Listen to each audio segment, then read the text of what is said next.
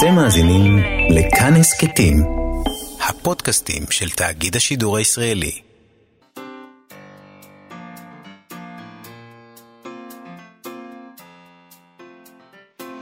מה שכרוך עם יובל אביבי ומה יעשה לה. שלום, צהריים טובים לך, יובל אביבי. שלום, אנחנו, שלום, מה מה שכרוך, אה, מגזין הספרות היומי ב-104.9 ו-105.3 FM, או באתר או באפליקציה של כאן שאפשר למצוא בחנויות האפליקציות. איתנו באולפן שיר אייזיק ויבגני לייזרוביץ' שעושים איתנו את התוכנית. יובל, אתה יושב מאוד נמוך היום. הכיסא הזה, לא- אני לא מסתדר עם הכיסא באולפן. אני לא אוקיי, מסתדר. לא, אני פשוט, חבל שאין מצלמה ואי אפשר לראות כן, את המחזה המרהיב הזה. עשית לי את השגריר הטורקי. עשיתי לך את הש... בדיוק. שמת לי כיסא בדיוק. כדי להראות לי תדע את מי- מי הבוס. דע את כן. מקומך. את יודעת ששיר אייזק זה הפעם האחרונה שהיא פה היום? נכון, שיר, אה, שיר, לא אה, תהיה איתנו יותר, וזה להתראות. מאוד מאוד מצער אותנו. זה מאוד מצער אותנו. כי היה נעים לעבוד מוצלחת, ואולי תחזרי פעם, כן, שיר. תחזרי, אל תלכי. אבל אנחנו אנחנו- מקווים שלאן שלא תלכי תצליחי. אנחנו נתגעגע אלייך. נתגעגע מאוד. אה, נדבר היום על הספר, אה, על הספר של חיים באר. הספר הקודם שלו, דרך אגב. בוא נתחיל עם הספר הקודם שלו, בבקשה. שיצא לא מזמן, ב-2018, הוא היה פה כאן ודיברנו איתו ארוכות עם חיים באר. נקרא בחזרה מעמק רפאים. אה, הוא היה ספר מצחיק וחכם ונהדר בעיניי, אני אהבתי אותו. אבל הוא היה מענג במיוחד, כיוון שחיים באר לקח אה, המון המון אה, רכילויות וסיפורים ספרותיים שהוא אסף בשנות פעילותו הרבות בתעשייה הספרותית שלנו, כי הוא לא רק היה סופר הרי חיים באר, הוא עשה כל מיני דברים. הוא מבקר תדיר ב... ב בחנויות ספרים, והוא הוא עבד אספן, הוא בהוצאות. הוא אספן רציני, הוא מכיר את כל כן, הנפשות הוא- הפועלות. הוא מכיר מכל הכיוונים. אז הוא שתל את כל הסיפורים האלה בעורמה ובשובבות בספר, וגם חלק מהדברים פחות אה, אה, בעורמה, חלק מהם יותר אה, ישירים, והיו הרבה דיבורים על אה, מה הוא עשה שם ועל מי באמת זה מבוסס. אז עכשיו יש הזדמנות להיחשף לחלק מהסיפורים באופן ישיר יותר. יש לו ספר חדש שנקרא מסע דילוגים, אה, בעם עובד, כשמו כן הוא. אוסף של רשימות קצרות שהוא כתב לפי ההבטחה לאורך כ-50 שנים. אה, רבות מהן עוסקות אה, בספרים ובספרות וגם באנשים שאכלסו אה, את חייו של חיים באר, ואנשים שאכלסו את תעשיית הספרות, פעלו בעולם הספרות העברי, אז אנחנו נדבר איתו היום על כל הרכילות האלה, וגם על כמה טקסטים מאוד מאוד אישיים ויפים על אביו, שהייתה לו ספרייה עשירה ב... שנאלץ לנטוש אותה כשעלה לארץ, ודברים מרגשים ויפים שם. אה, עוד נדבר, עוד פרידה. עוד פרידה, יום של פרידות יש היום. אנחנו עומדים לדבר עם צליל אברהם שלנו בפינתה. צליל אברהם מחפשת עבודה, אה, על בטלה נדבר איתה, אה, במה שעומד להיות הפעם האחרונה שהיא עושה את הפינה. גם זאת פינת פרידה, תוכנית פרידות יש לנו לקראת השנה החדשה. נכון. אז אה, בואו נתחיל עם חרמות. חרמות על ספרים. שוב, אנחנו מדברים על זה לא מעט. אה, מתברר שהשבוע הוא שבוע הספרים המוחרמים בארצות הברית, Banned Books Week. מציינים את הדבר הזה, מה שעשוי להצביע בעצם על הבעיה עצמה. אה, אצלנו, אצלנו למשל עדיין אין שבוע כזה. אולי זה עניין של זמן. נכון. אולי תן עוד- להם זמן ויהיה לנו גם שבוע אחר. יתחילו להחרים יותר, תתחילו להחרים יותר ספרים, ואז אנחנו נעשה את לא, וגם בתגובה. אה, חרמות על ספרים זה אקשן. אנחנו בשביל- בשביל נשמח. עיתונאים זה לחם. אנחנו נשמח, תחרימו, ממש. בבקשה. אדרבה. אדרבה ואדרבה. אל- אל- אה, אל תעצרו את עצמכם. טוב, לרגל המאורע המרגש, שבוע הספרים המוחרמים בארצות הברית, אה, ברשת אה, הטלוויזיה, החדשות, CNN, אה, ציינו את הספרים המאתגרים ביותר של שנת 2018, שהמאתגרים זה כמובן שם קוד מכובס שלהם, שם קוד כזה אמריקאי, לספרים שעוררו הכי הרבה בעיות. כלומר, שהכי הרבה אה, רצו להחרים אותם או כן. החרימו אותם. כן, כן. המילה בעיות, הכוונה לאנשים שמספיק דחוף להם להוציא את הספרים האלה מהספריות הציבוריות, מספריות בתי ספר, מספיק חשוב להם כדי אשכרה לשבת ולכתוב מכתב תלונה ו- אתה ולשלוח מתאר את זה אותו. כאילו זה, זה דבר מאוד מסובך, לכתוב מכתב תלונה, ושלוח, פותחים מייל, שולחים, זה לא עכשיו אחרונה- עם בול ומעטפה מתי וזה. פעם אחרונה משהו הציק לך עד כדי כך ששלחת מכתב תלונה? ידידי הנכבד, הבט. הבט ראה. אה, כשהבת שלי הייתה בבית ספר עד לא מזמן, כי היא סיימה 12 שנות לימוד לאחרונה, אני כתבתי הרבה מכתבים למורות? למנהלים, לכל אורך 12 אה, אה, הבת שנות הלימוד. הבת שלך זה מספיק אה, חשוב, אני לא בטוח שהספרים ברשימה הזאת זה מספיק. שלי, המכתבים שאני כתבתי הם בהחלט ידועים לשמצה. כן? יש אימהות שעד היום כותבות לי, יש לי בעיה עם זה, אולי תכתבי לי מכתב. את כמו האיש הזה בכלא, שיודע קרוא וכתוב, והוא מסדר לכולם את זה ממש, אני הפניות. ידועה לשמצה, במכתבים הזוהמים שלי. אוי אוי אוי, תלכו אוקיי. לתא 6, מה יעשה ליושבת שם, היא תדאג לכם, היא תכתוב לכם את המכתב. אוקיי, הראשון ברשימה אה, של המאתגרים הללו הוא ספר בשם ג'ורג' של אלכס גינו, ספר ילדים על, על ילדה טרנסג'נדרית, אה, שזה כשלעצמו מסר שיש הרבה אנשים שקשה להם להתמודד איתו. כן. אה, אני לא יודעת, אתה היית נותן לילדים שלך לקרוא ספר כזה? אה, תלוי באיזה גיל, בגיל מסוים כן. אוקיי. אחריו עוד ספר ילדים בשם A Day in the Life of מרלון בונדו. אה, שים לב, כן? כן. שבודה את סיפורו של הארנב האמיתי של סגן נשיא ארצות הברית מייק פנס, כולל רומן הומואי בין הארנב הזה לארנב אחר בשם וזלי. אה, השמרנים המודאגים הוטרדו לא רק מהמסר ההומואי, אלא גם מהאג'נדה הפוליטית ומהיחס לדת בספר הזה. תשמע, הוא, הוא, הוא ספר קווירי לחלוטין, ללא כן. ספק. כן, אוקיי. זה ספר שהוא בדיחה כזה, עשו אותו באיזה תוכנית בידור אני אמריקאית. גם לא, אני לא חושבת שמדובר פה באמת בספר ילדים, זה ספר לא, אה, זה מבוגרים. ספר בדיחה שנועד כאילו לעשות אוקיי. ממנו צחוק. אני חושב שהשמרנים צריכים להיות יותר מוטרדים מהעובדה שלסגן הנשיא שלהם יש ארנב. אני חושבת שהם צריכים להיות יותר מוטרדים מהעובדה שאין להם חוש הומור כבר. לגמרי. ואם אין להם חוש הומור, באמת, אז הזה. בשביל מה? כל זה. לא, אבל אה, אה, אני לא יודע. ארנב הומו, אולי אה, זה חוצה את הגבולות של אה, מה שהשמרנים מסוגלים להתמודד איתו באמת. לא. לא? לא. זה ארנב רפובליקני. זה לא, זה האנשים האלה, הם, הם, הם כבר, הם לא שמרנים בעצם. לא, זה, הם, הם זה, פרודיה של הם, שמרנות. הם לא שמרנים באמת, זה סתם ריאקציונרים. באמת, שמרנים אמיתיים היו צוחקים. אני מקווה. כן. טוב, הבא ברשימה, קפטן תחתונים, האהוב. יש לי לפי דעתי עשרות ספרים של קפטן תחתונים בבית. עשרות. אני לא חושבת שיצאו עשרות, אבל בסדר, שיהיה לך אה, לא, עשרות. לא יצאו עשרות. למה אתה... זה- מרגיש, בלשון יש- הגזמה, אוקיי. כן, כי יש. מדף, מיליונים. יש לי מיליוני, מיליוני ספרים. ספרים של קפטן תחתונים בבית, אה, כל המדפים. לא, אבל אם היית אומר מיליונים, אה, מיליונים, אז זה היה נשמע הגיוני. אה. עשרות זה כאילו... את אומרת שה... אתה צריך, או לה- או לא. שאתה מגזים, או שאתה... לעבוד על, ה... על המטאפורות שלי. אה, על ההגזמות. על ההגזמות. כן. תגזים אה, בגדול. אני בכלל לא ידעתי שאני צריך להיות מודאג. הבן שלי קורא את זה, כל... הוא כבר קורא לבד, זהו, אני איבדתי שליטה על הילד. רגע, מה מה באמת מדאיג בקפטן תחתונים? מה מדאיג אותם? הם, אה, הם לא בחרו בספר ספציפי, אה, מתוך המיליונים של הכותרים בסדרה הזאתי. הם פשוט קראו להחרים את כל הסדרה בגלל שיש בה בין השאר זוג בני אותו המין. דבר אה, שלפי המתלוננים מעודד התנהגות לא ראויה. ההתנהגות הלא ראויה הזה, הזאת, שהם מתכוונים אליה, היא שיהיה לך בן זוג בין אותו. המין. כן, זה, הם לא נותנים אה, לזמנים לבלבל אותם, או בכלל, לשום דבר. מה יש לכם, אנשים? בחייכם, מה אתם... מה אכפת אה, לכם? מה זה עניין שלכם? אלוהים אדירים. אוקיי. לא, אה, אגב, זה לא אכפת להם. הדבר המטריד הוא כאלה. יש הומופובים שכל הדבר הזה וזה, ואסור, ואלוהים אמר וכל זה. בסדר, נשים אותם בצד. יש את האנשים האלה שלא אכפת להם, והם נורא ליברליים, רק לא בילדים. אבל לא הילדים שלהם. נכון. כי. כי הם לא נחשפים לזה בעולם. רק שהילדים שלהם לא יהיו הומואים, שכולם יהיו בסביב הומואים. רק לא הבן שלי. קוראים לזה, יש לזה שם, קוראים Mm. לזה נימבים. אה. נימבים, not in my backyard. אתם רוצים לעשות, אה, לא יודע, מעון ל- לאנשים עם אנחנו מוגבלות בעד כלשהי? מעון לאנשים עם מוגבלות. כן, יש לא אנשים- בשכונה שלנו. בדיוק, לא, זה יוריד לנו את הערך ערך של... אוקיי. אני לא רוצה לספר מי הם האנשים שבדרך כלל הם נימבים. את, אה, זה ייתן לך יותר מדי נשק. זה ליברלים. ברור זה- שליברלי, מה, אתה צריך לספר לי את זה? לא, אני פשוט סליחה. יושבת פה ומתאפקת, לא להגיד שזה נשמע ממש כמוך. ממש כמוני, ברור. נו. אתה יודע, אמרתי, לא פעם נים. אחת אל תגידי כלום. פעם לא. אחת תשתקי, אני. לא נימב, אני לא נימב. לא, אתה אה, לא, אה, אתה לא. כן, עד כאן, עד. כאן, עד כאן. כולם מקבלים את כולם וכולי וכולי. שנחזור לספרים מהר לפני שאני עושה עוד איזה לפני פדיחה. שנתתי לך חבל, עכשיו ת- עכשיו אני תכרוך אתלה את אותו. עצמי. כן, כן. אה, איפה. אנחנו בכלל? היינו בקפטן תחתונים, אני אזרוק את כל הספרים האלה אה, נכון. מהבית שלי. אני חשבתי שזה בגלל שהילדים שם משתוללים. יש שם שני ילדים בקפטן תחתונים שעושים צרות בבית ספר, והם הופכים את המנהל שלהם לקפטן תחתונים באיזה, והוא מסתובב שם בתחתונים כל היום, ויש שם גם טוסיקים כל הזמן, ודיבורים על פליצים וכל מיני דברים כאלה. חשבתי שזה מה שמפריע להם, לא ידעתי. אני לא ידעתי שיש שם בני זוג מאותו המין, כי לא קראתי את הספרים האלה, הוא קורא כבר לבד. ב- טוב מאוד, אז זה לא עניין שלך אני, לקרוא את אה, זה. לא, שיקרא מה- לבד ושיבין מה שהוא רוצה. כן, טוב, אני לא ידעתי שאני צריך לדאוג. נתקדם ליאנג כן, נתקדם. אדולטס? יאנג אדולטס, זהו, קצת מתקדמים מספרי הילדים ליאנג אדולטס. Uh, The Hate You Give, זה ספר שדובר עליו הרבה. The Hate You Give זה ספר שבמרכזו נערה שחורה שהופכת עדה למקרה מומצא לחלוטין של שוטרים שהורגים נער שחור ומזוכים.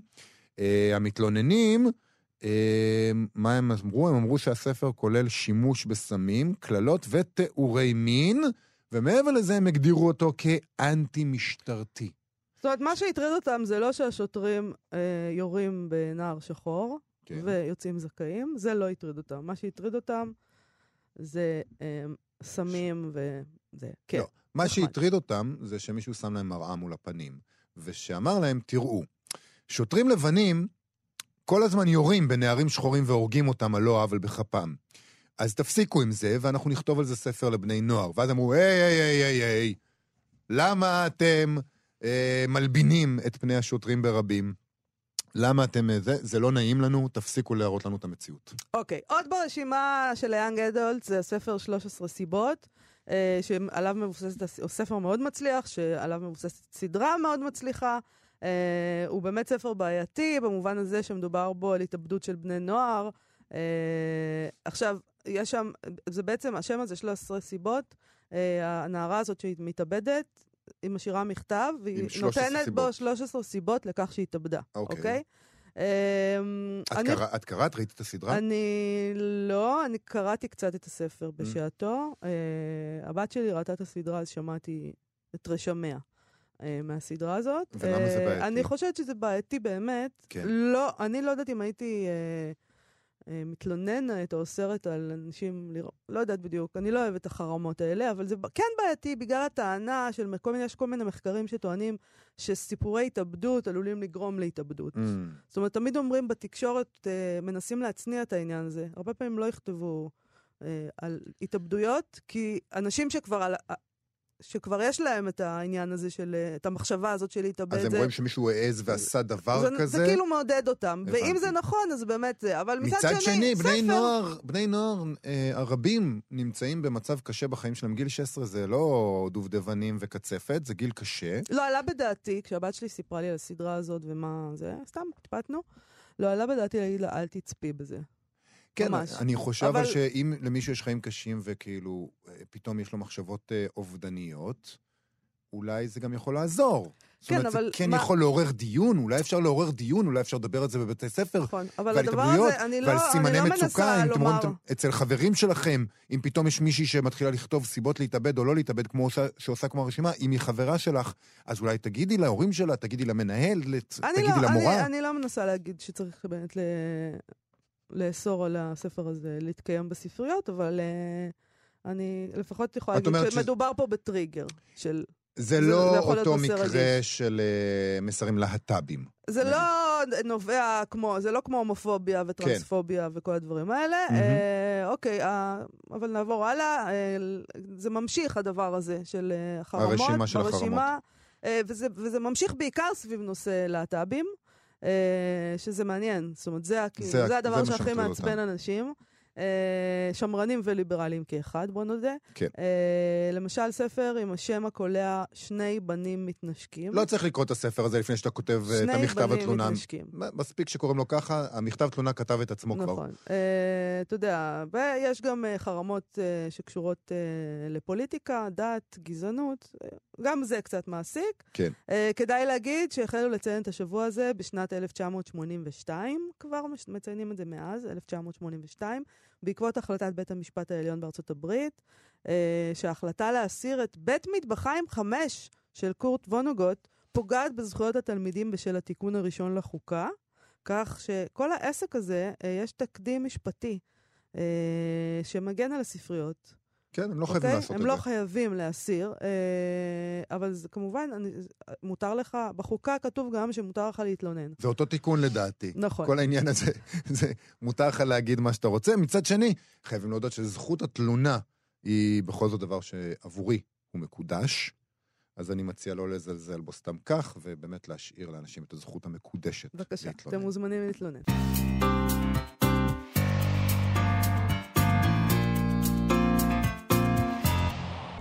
כדי להביא את החורף?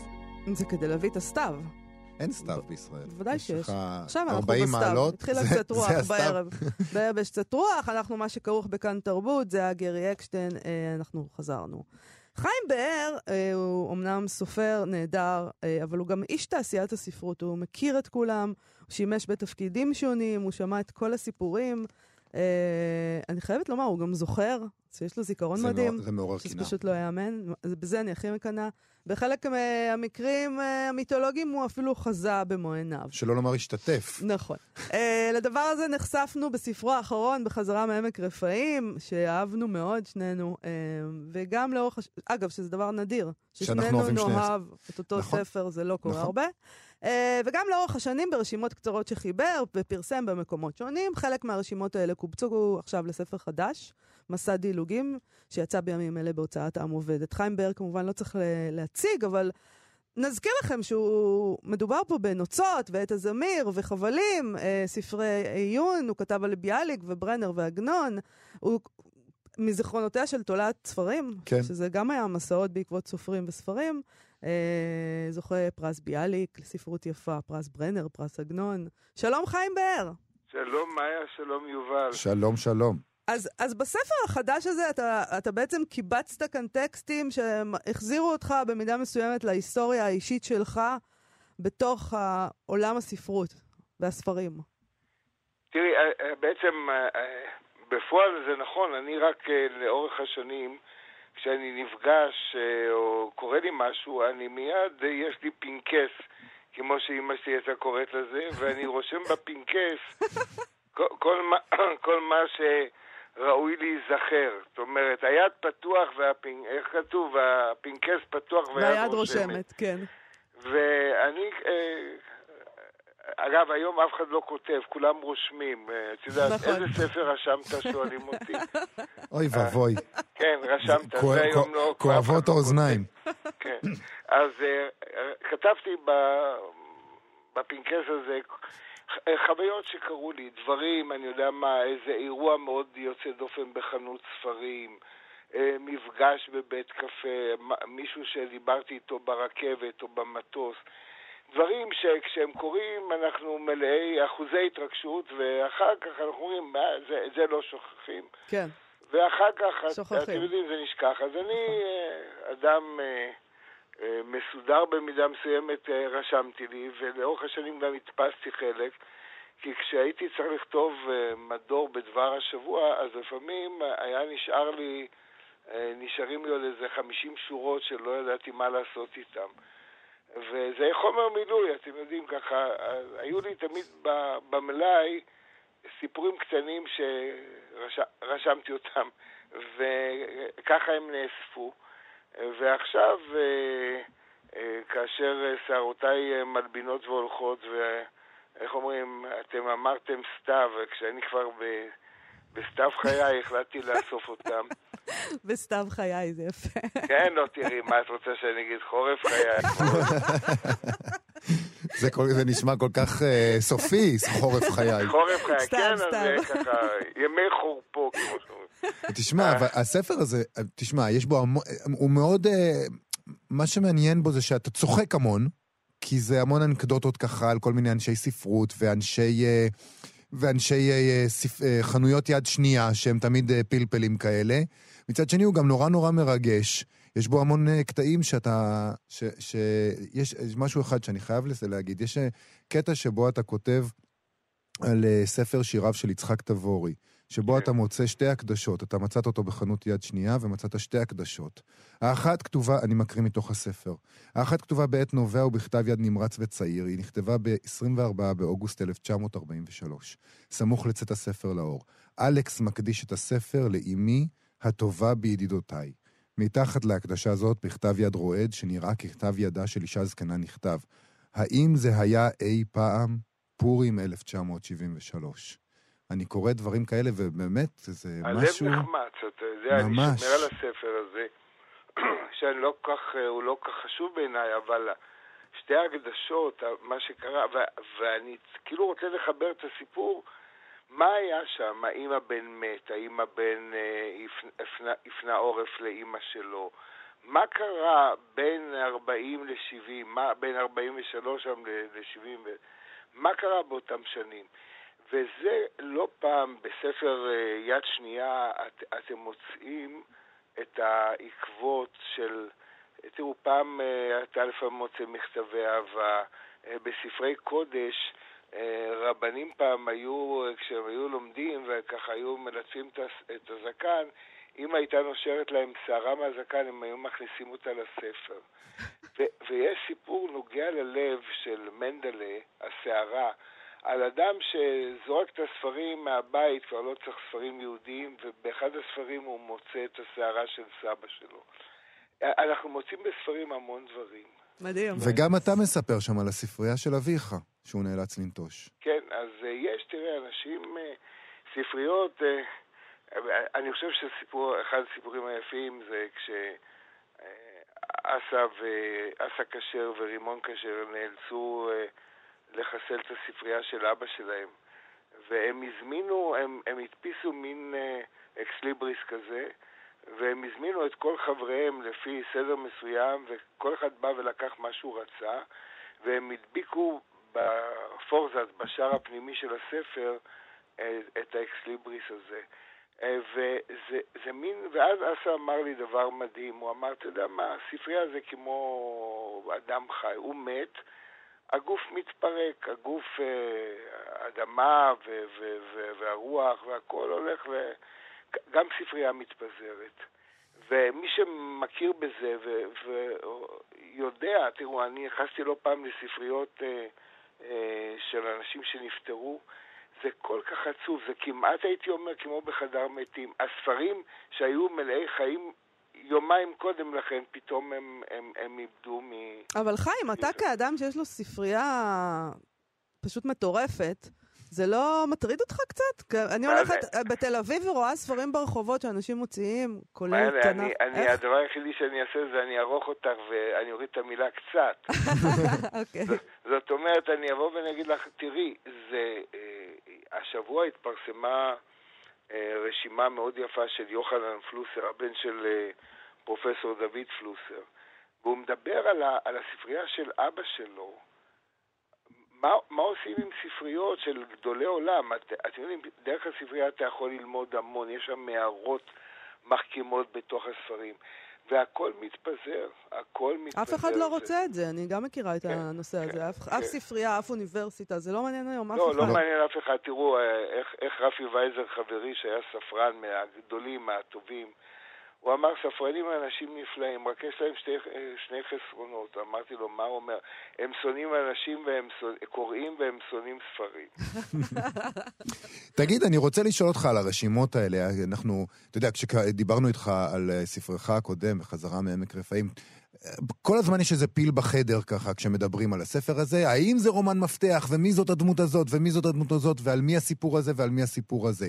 עכשיו אתה עם אה, ספר שהוא לכאורה סיפורים אמיתיים, לא צריך לפענח, כן? השאלה שלי, עד כמה הכל אמת? עד כמה דייקת, ועד כמה אתה נותן לעובדות לקלקל לך סיפור טוב?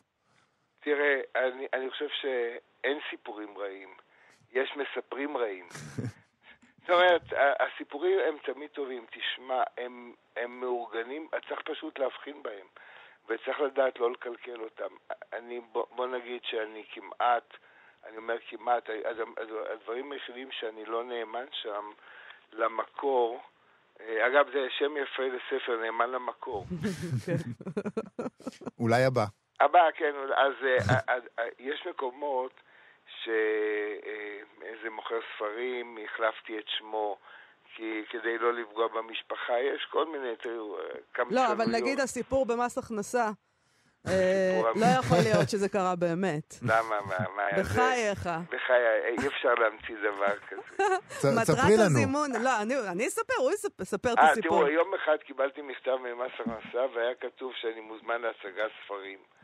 אז אמרתי, אוקיי, בסדר, מה, אני סופר, הם בטח רוצים לראות מה כתבתי.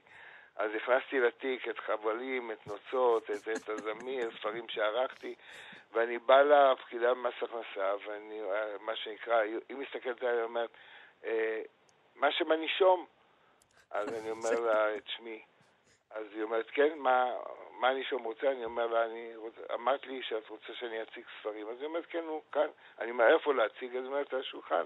אז הוצאתי את הספרים, והעמדתי אותם, חבלים, נוצות, ככה בשורה, שעשועים יום-יום, והיא התחילה לצעוק, והיא הזמינה את המאבטח, ואתה עושה, באת לצחוק עליי, מה אתה חושב שאני זה? אז אה, ראיתי, עד שהגיע המנהל. המנהל איש נחמד היה דווקא, איש משכיל, והוא מסתכל על ה... אומר, מה, מה קרה? אמרתי לו, הנה המכתב, ואתם ביקשתם שאני אבוא להציג ספרים, אז באתי להציג אותם. אז הוא הסתכל עליה ואמר לה, תשמעי, היא צריכה לכתוב, להציג ספרי חשבונות. היא נעלבה, אבל מה שקרה לי בעקבות זה, זה לא כתבתי. היא, עד שהיא לא יצאה לפנסיה, היא הפכה את חיי לגיהינום. היית צריך לדעת, ידידי. כן. עם פקיד השומה לא מתעסקים. לא כן, אז זהו, מתפתחים זה לא איתה. כתבתי, אבל זה מה שנקרא אל תתוודע לרשות. ממש. אני אהבתי, אני. אהבתי שהמנהל בסיפור הזה אומר, זה לא סופר כסף, לא. זה כן, סופר. זה סופר, כן, לא תראה. יש- לא אומרים, מה אתה סופר? מה אתה סופר? חיים באר, הרבה מאוד סיפורים כאלה על עצמך ועל אנשים אחרים, והרבה מאוד עיסוק בספרים ובעולם הספרות, ומאחורי הקלעים ולפני הקלעים. ויש בספר הזה מסע דילוגים שיוצא עכשיו בעם עובד. תודה רבה לך על השיחה תודה. הזאת. ואני רבה. רוצה לאחל לכם ולמאזינים שנה טובה. שנה טובה. שנה טובה, תודה לך. להתראות. להתראות, ביי ביי. ביי.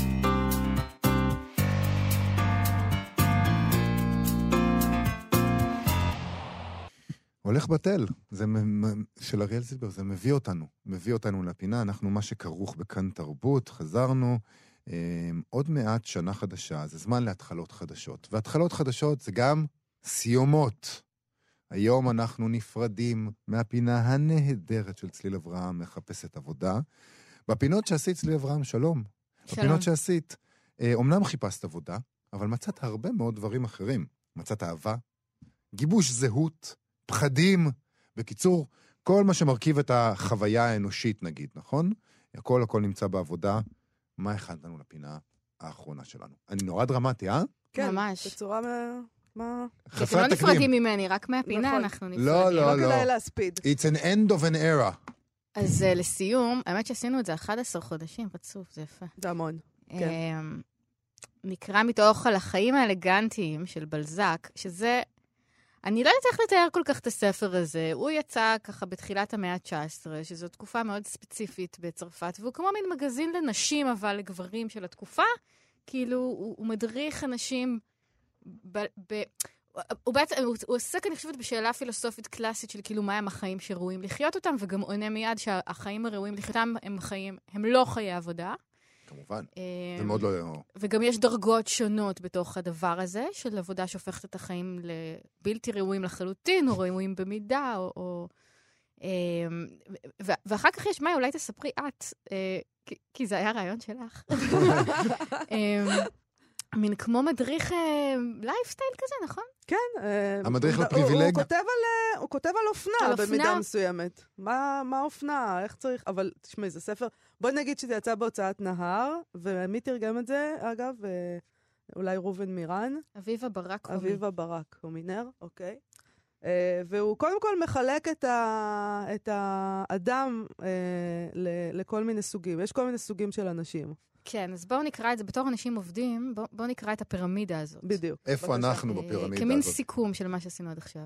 לנושא החיים העסוקים אין גרסאות משתנות. בעשותו מלאכה בעשר אצבעותיו מוותר האדם על ייעוד שלם. הוא הופך להיות אמצעי. ולמרות כל הפילנטרופיה שלנו, רק התוצאות זוכות לקבל את הוקרתנו.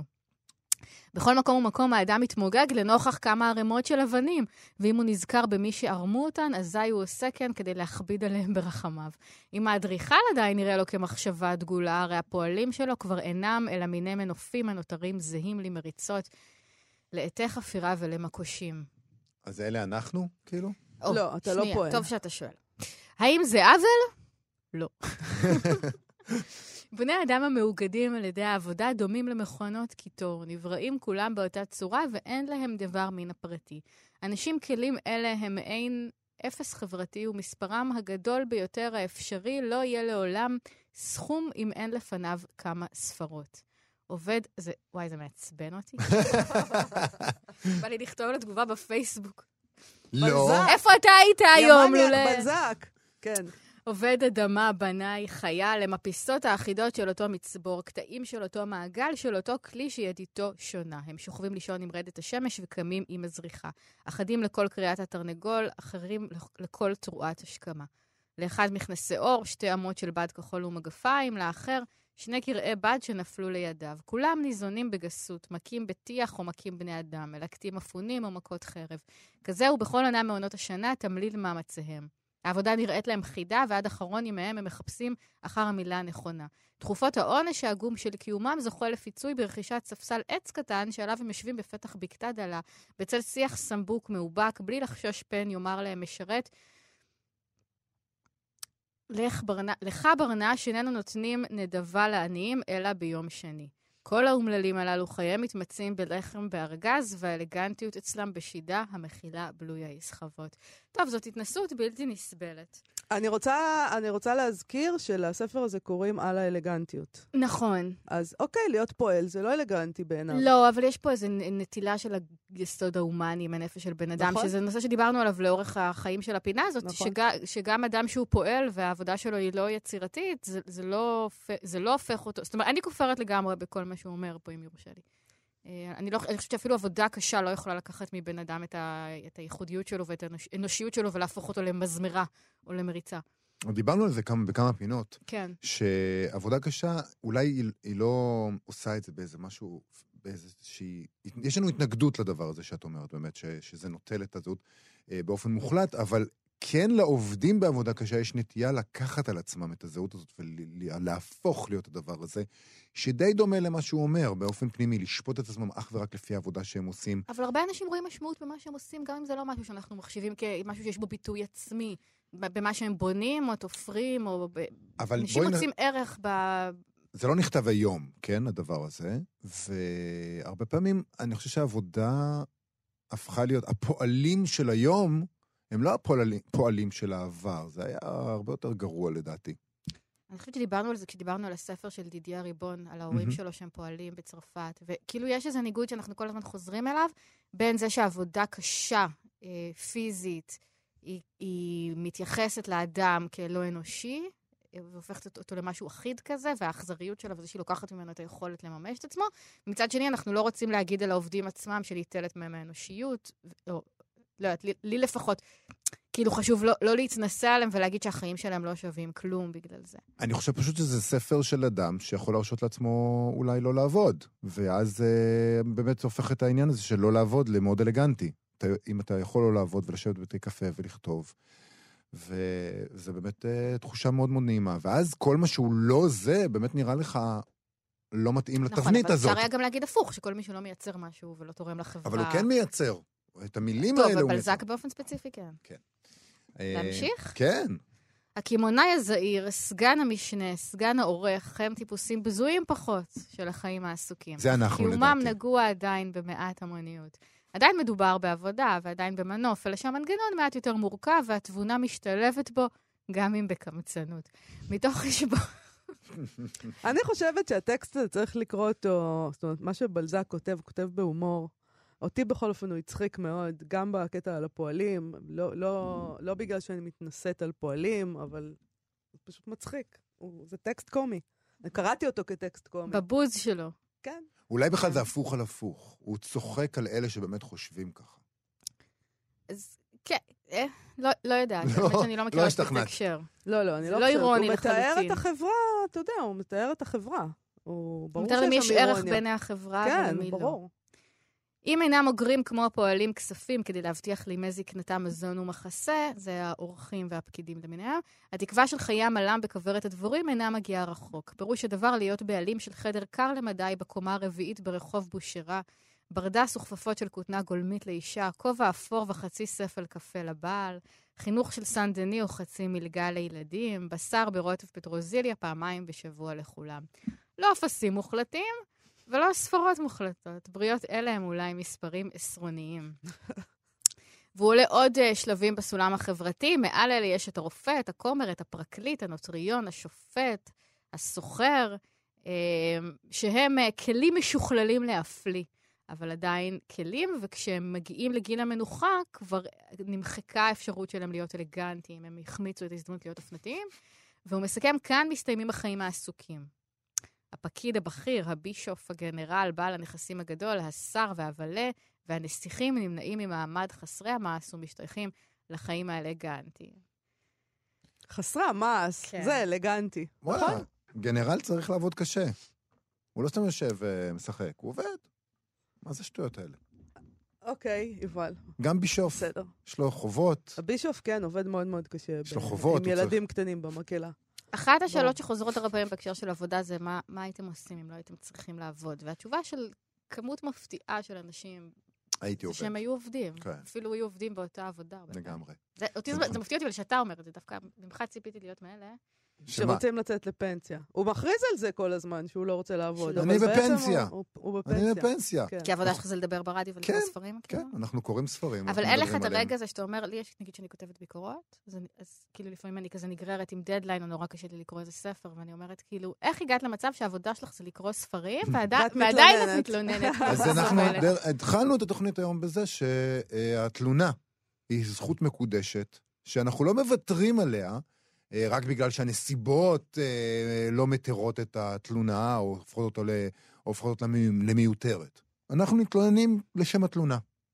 טוב, נסכם בשלוש-ארבע דקות? נסכם. אפשר? כן, נסכם את בבקשה. הפינה. אני התחלתי את הפינה הזאת לפני שנה מתוך תחושה ש, אה, שהעבודה היא מרכז החיים שלי בכל אופן, ושיש איזו תפיסה כאילו שהנושא הכי גדול וחשוב בחיים ובספרות זה אהבה, ושאני רוצה להראות שאפשר למצוא את אותו אושר של רגשות וחוויות בעולם העבודה, אה, כמו באהבה. ואני תוהה עכשיו אם זה נכון. אה, זכורות לי במיוחד, ככה ממש בצבעים עזים, שתי פינות שעשינו בזמן האחרון. אחת מהן הייתה על נעימה ששון כותבת שירים, של מהמם. עמליה כהנא כרמון. אחת מהן הייתה על אופוריה של לילי קינג, שזה לא ספר כל כך טוב. אה, ומה שהיה משותף לשתיהן זה שהם עסקו בשילוב של אהבה ועבודה. ושם היה כאילו איזה... היה איזה מטען חשמלי חזק בעיניי. אני חושב שבהחלט הצלחת להביא אה, לא רק את העניין הזה של אהבה, אלא כמו שאמרתי בהתחלה, באמת, במין פומפוזיות, אני חושב שאפשר להגיד את זה בפחות פומפוזיות עכשיו. שאם אתה חופר בתוך האלמנט הזה של העבודה, אתה יכול למצוא בו את, ה, את הרמיזות או את האנלוגיות לכל מיני אספקטים אה, בחיים האישיים של אדם, כמו באמת גיבוש הזהות שלו, מי הוא, את מי הוא אוהב, איך הוא רוצה לבלות את הזמן שלו. אלה דברים כבירים בחיים של הבן אדם, והסופרים עשו בזה שימוש כשהם שתלו את העבודה אה, בספרים שלהם. אבל במידה מסוימת, אולי, אם אתה מסתכל על דברים אה, בצורה כזאת, כמעט בכל כלי אה, ספרותי שהסופרים עושים בו שימוש, אתה יכול למצוא את הדברים האלה. הדברים האלה הם לא סתם שם. מצד שני, או שלישי כבר, פשוט בגלל שעבודה זה חלק כל כך מרכזי בחיים שלנו, אנחנו מסתכלים על זה בספרות, ואנחנו אומרים, אה, אוקיי, זה אומר המון דברים. אבל זה באמת אומר המון דברים. כאילו אני מנסה לחזור למרוץ הקטן הזה בין עבודה לאהבה, ולשאול את עצמי אם צדקתי, צדקת. ואני לא בטוחה. את לא בטוחה עכשיו? לא. Mm. והבאתי לכם עוד ציטוט אחרון, זה ממש משפט. כן. אה, שזה מתוך מאמר של אה, זיגמונד פרויד, שנקרא הערות... ז- איתו, איתו את חותמת את הפינה? כן, זה נקרא הערות על אהבת העברה, שזה טקסט נפלא לשילוב בין אה, אהבה לעבודה, כי זה אה, מאמר שמסביר לפסיכולוג מה לעשות כשמטופלת שלו מתאהבת בו. אה, יפה. אה, והוא כותב כזה דבר, זה ממש בהתחלה של המאמר. עבור המשכיל שאינו איש מקצוע, וכזהו בן התרבות האידיאלי עבור הפסיכואנליזה, מהווה אהבה על גילוייה השונים עניין שאינו עולה בקנה אחד עם כל עניין אחר. ואשר מישהו עלה על הכתב, לא יסבול הנייר דבר זולתו. נפלא. אז כשיש אהבה, יש רק אהבה. כשיש אהבה, הכל מתפנה מהבמה. זה נכון. כן. זה נכון. אז אולי בגלל זה את אבל אומרת לא לפעמים, אה, צדקת. צליל, לפעמים כשיש עבודה, הכל מתפנה מהבמה. נכון. הכל מתפנה, ושום דבר לא מעניין אם את באיזה תשוקה ואת בתוך איזה משהו, אני באיזה פרויקט, באיזה... את יודעת למה אני מתכוונת. כן. אה, ואין כלום חוץ מזה. וזה הדבר שהכי מסעיר אותך באותה תקופה. זו גם אהבה. וזו גם אהבה, נכון. אז בעצם כן צדקת. בואו נשאיר את זה ככה. נשאיר את זה ככה. צליל אברהם, תודה רבה לך על הפינה הזאת ועל כל הפינות שקדמו לה. אנחנו, אנחנו לא מחכים מוותרים אה, עלייך, כן. לפינה חדשה, אחרי אנחנו. נחשוב על מה היא. תהיה, ואם למאזינים שלנו יש איזה רעיון, מה... תכתבו לנו, כן, כן, תכתבו בבקשה, לנו אתם בפייסבוק שלנו. מוזמנים לכתוב לנו. אה, מה שכרוך עם יובל אביב ומה יסר אני גם בפייסבוק. הכנתי משהו. אני... שיר שאני מקדישה לך. וואו, תודה. בבקשה, שימו את השיר. את השיר, את השיר, כן. אין את השיר שהקדשנו. איזה שיר. הקדשתם לי, תגידו לי, אז אני אזמזם אותו אה, לעצמי במדרגות. וואו, ג'וני חבל. קאש, will meet again. זה ממש טוב, מצער. אני אלך להקשיב אותו לבד. אני אשלח לך בוואטסאפ. לבדי. בסדר. אין את השיר. אוקיי. תודה רבה. תודה, צליל רבה, אברהם. צליל. אז טוב, בלי שיר, אנחנו נעבור לדבר הבא. כן. אה, תחשבי ש... תשימי אותו ביוטיוב, צליל, בסדר? אוקיי. אנחנו נעבור לדבר הבא. יש לנו אה, סטטוס יומי, נכון? כן, נדמה לי אה, שאנחנו נצטרך לסיים את זה, תראי את השעה. אה, יש לנו סטטוס היום של המשוררת יונית נעמן, שנכתב בתגובה לטור של אורית, דוקטור אורית קמיר, שכתבה בעיתון הארץ טור שזכה להמון תגובות נסערות. אה, תחת הכותרת, דודי התגבר על הפחד, עכשיו תור, תורנו. מהמם. הטור הזה נכתב יומיים אחרי הבחירות. אה, קמיר כותבת כך: דודי דהן, שם בדוי, הוא איש ברוך כישרונות, הוא חשמלאי ואינסטלטור, ויודע לרקום פתרון לכל בעיה שפוקדת אותי בהקשר של מגורים ואיכות חיים. זה שנים שאני מתקשרת לדודי כל אימת שמשהו משתבש, או מצריך שיפור, או מחייב טיפול יצירתי, והוא לא מאכזב. בשעות הארוכות שבהן הוא מתמודד בסבלנות אין קץ עם הקשיים שאני מזהה ומייצרת, אנו משוחחים על דה ועל ה. רק לפוליטיקה אני משתדלת שלא נגלוש, כי דודי הוא ליכודניק שרוף, בדם, וקשה לי עם זה. אה, באמת, זה טקסט מדהים. זה לא מדהים, יאמן. מדהים. הוא מחופ... אני מד... זה בש... איך זה יכול להיות שמישהו פרסם את זה? איך זה יכול להיות שהיא כתבה את זה? ואיך זה יכול להיות שבעיתון הארץ, בכל זאת, יש איזה בטח מישהו שעורך את העיתון הזה, אה, אה, הגיע הטקסט הזה, ואף אחד לא אמר לעצמו, אה, לא, בוא, נציל את עצמנו ואותה אה, מהרגע הקשה הזה. אוקיי, אז דודי, בוא נשמע מה היא חושבת על דודי הליכודניק. הוא מחובר לכל ערוצי התקשורת של ביבי, מפיץ בוואטסאפ סיפורים מסמרי שיער שהוא מקבל על ההתנכלויות למשפחת נתניהו, וקונה ללא סייג כל התקרבנות, הסתה והכפשה של מנהיג הליכוד. בעבר, כששאלתי אותו למה הוא לא שוקל לבחון צורות חשיבה פוליטיות אחרות, שים לב, לבחון צורות חשיבה תגיד, פוליטית דודי, אחרות. מה קורה גבר? למה אתה לא שוקל לבחון צורות חשיבה פוליטיות אחרות? האם באמת ככה היא אמרה לו, אוקיי? הוא ענה בכנות שהוא מפחד. הוא מפחד שהערבים יחסלו את המדינה. הוא מפחד שהשמאל אה, יוותר עליה. עליה. הוא מפחד לאבד, מפחד מן הלא נודע. אז הוא מצביע ביבי. ב-17 בספטמבר דודי הצביע לבני גנץ. אל תשאלי איזה אידיוט הייתי, סיפר לי. עמדתי מאחורי הפרגוד איזה חמש דקות עד ששמתי את הפתק במעטפה. אבל הוא שם, כחול לבן, ולא התחרט. הוא לא יכול היה לשאת יותר את ההתבהמות, התוקפנות, הדורסנות, השנאה. שאלתי מה השתנה עכשיו לעומת הבחירות הקודמות ואלה שקדמו להן, והוא ענה שעד עתה הצליח לחיות בהכחשה. טוב, טוב, מאיה, היא גם אני לא כתבה- יכול לשאת יותר, היא, מספיק. היא באמת כתבה טקסט, אה, אין, אי אפשר לתאר את ה... את ה... זה וואו. לא קל, זה לא קל. יונית נעמן אבל הצליחה. יונית נעמן הצליחה לכתוב סטטוס שהוא בעצם שיר שמוקדש אה, אה, לטקסט הזה. הוא בעצם תגובה לשיר הזה.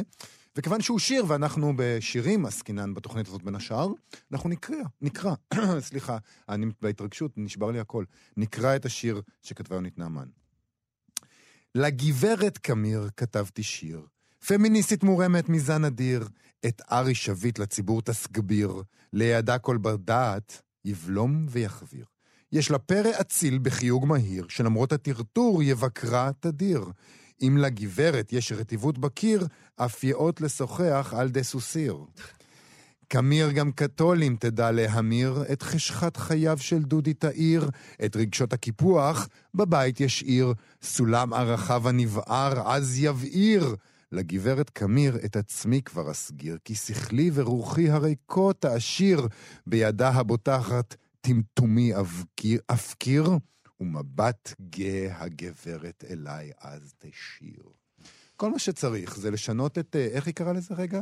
נחזור לעניין הזה? כל מה שאתם צריכים זה אה, לשנות את אה, צורת החשיבה הפוליטית שלכם, והכל יהיה בסדר כן. פשוט. לא, דודי האינסטלטור, החשמלאי, זה, זה באמת, אה, אין את זה ביותר... אה, נורא. טוב. יש לנו זמן להמלצות או שניפרד? לא, אין לנו שום זמן. שום זמן, אז ניפרד. תמצאו, אתם עצמאיים בסוף השבוע הזה. בסוף השבוע הזה האחריות עליכם. ה- בדיוק, הכל עליכם. אנחנו נודה לשיר אייזיק ויבגני לייזרוביץ' שעשו איתנו את התוכנית. להתראות בינתיים. להתראות.